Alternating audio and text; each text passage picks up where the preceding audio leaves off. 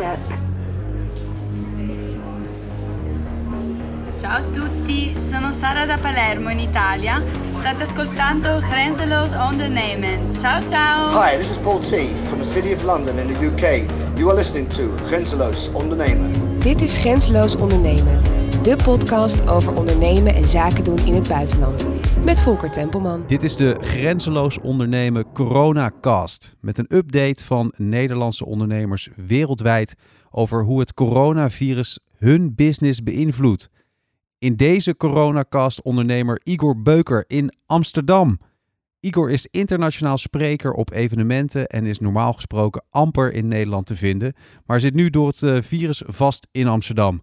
Hoi Igor. Hi Volkert, hallo. Goed dat je erbij bent. Wereldwijd worden bijna alle evenementen geannuleerd, zelfs het eh, EK voetbal, de Olympische Spelen. Wat is er eigenlijk nog over van de, de hele eventindustrie straks? Poeh, ja, goede vraag. Niet heel veel, denk ik. Want uh, wij merken het in de, in de internationale eventindustrie. Ben een beetje een barometer van conjunctuur en, en grote gebeurtenissen. Hebben we bij SARS, ebola, terrorisme. Zie je ook heel snel dat grote evenementen internationaal hard geraakt worden, ook al vroeg. Uh, en, en ook rigoureus, veel tops en ook andere grote events werden al meteen uit voorzorg geannuleerd. En ja, je ziet in, uh, de impact is gigantisch. Hè? Dit, dit raakt venues, event organizers, de toeleveranciers, sprekersbureaus, sprekers, de hosters, de fotografen. Het is een hele waardeketen die in één keer down the drain gaat.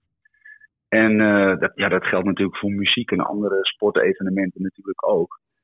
Ja, en, en het vervelende daar vaak van is, is dat uh, ja, daar, daar gaan soms miljoenen in in grote evenementproducties ik zou niet weten wat die mensen op dit moment moeten doen. Want die evenementen worden of uitgesteld, of die worden gewoon gecanceld. Dus dat raakt die industrie op een gigantisch harde manier. En, en die zitten dus echt voorlopig op slot.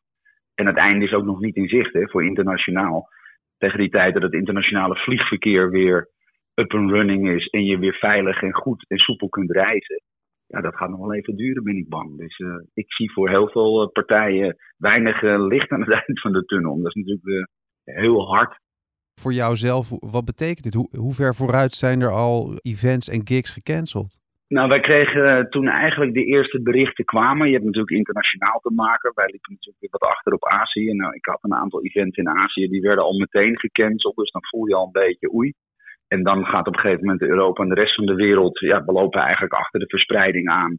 Wordt één voor één gecanceld bij uh, mijn management zei op een gegeven moment: Ik ga je niet meer op de hoogte houden. Want we zijn in acht dagen, werden er bij ons uh, 53 talks tot en met juni gecanceld of uitgesteld. Dus ja, dan is je jaar is gewoon over. Dat is, gewoon, dat is voorbij. Dat haal je niet meer in, dat is ook niet meer te doen. De kosten lopen ook door. En het allermoeilijkste is natuurlijk, en dan kom je waar veel ondernemers niet altijd begrijpen hoe moeilijk het is dat de kosten voor de baten blijven uitgaan. Want je hebt natuurlijk je mensen, maar wij moesten ook 46 eh, internationale vluchten cancelen. Ja. ja, wie gaat het betalen straks? Is dit force majeure of is dit nou, 46 hotels annuleren? Maar dan begint ook nog het hele kosten- en tijdrovende, de grootste puzzel die ik ooit in mijn spreekleven heb meegemaakt. Uh, dat gaat heel veel vooruitgesteld, gaat na, na de zomer. Maar daar ben ik al heel vaak geboekt. Dus dan krijg je teleurgestelde evenementen die zeggen: we gaan eerst de venue checken. De venue kan 10 oktober. Igor door 10 oktober. En dan zegt mijn management: ja, Igor is 10 oktober al geboekt. Ja. Oh shit. Dus ja, je komt in een, uh, een, een, een logistiek en uh, financieel, zakelijk, juridisch uh, gedoe waar je u tegen zegt. En dat kost veel geld. En ondertussen ja, zijn je inkomsten gecannibaliseerd tot nul, tot dik na de zomer. En dat is even de forecast, hè. Kan nog verder gaan. Dus ja, dat is vrij rampzalig voor ondernemers. En, en dat, uh, ja, dat, dat draai je ook niet even om of zo. Hoe zit dat met uh, de andere uh, grote internationale sprekers? Is het voor iedereen helemaal ingestort? Ja, ja het, is, het, is, het is over, uit en sluiten voorlopig. Wow. En dan merk je ook dat uh, ja, de, de, inkomsten vallen er ook uit. Ik ken een hoop mensen die, uh, die zeggen: Ja, ik ga wat online doen, dat is hartstikke leuk. Maar ja, dat, dat is natuurlijk, kijk, je hebt zoveel sprekers. Je hebt iemand die af en toe op een podium klimt uh, voor de lol. Je hebt een beetje de karaoke sprekers, die, die doen het één keer per maand. Je hebt allerlei managers en, en mensen die ook met regelmaat een podium beklimmen. Dan heb je nog uh, de semi- en de fulltime en de fulltime internationale sprekers. Dus ja, de, de mensen die hiervan moeten leven, die worden natuurlijk keihard geraakt. En voor andere mensen, ja, die, die hebben ook nog andere inkomstenbronnen en stromen. Dus die zijn wat minder onder druk. Dus het, het hangt er heel erg vanaf waar je in de waterketen zit, hoe hard je financieel geraakt wordt, zeg maar. Ik ben een fulltimer, dus, dus er is niet veel anders. Dus ja, dat, uh, dat is een kort verhaal.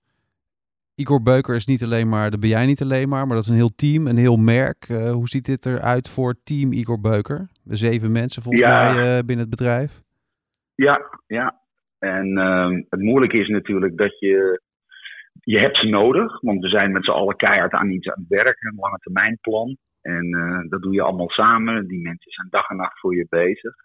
Dus de grote druk en stress die ook meteen komt, is ja, het verantwoordelijkheidsgevoel dat je hebt naar je team.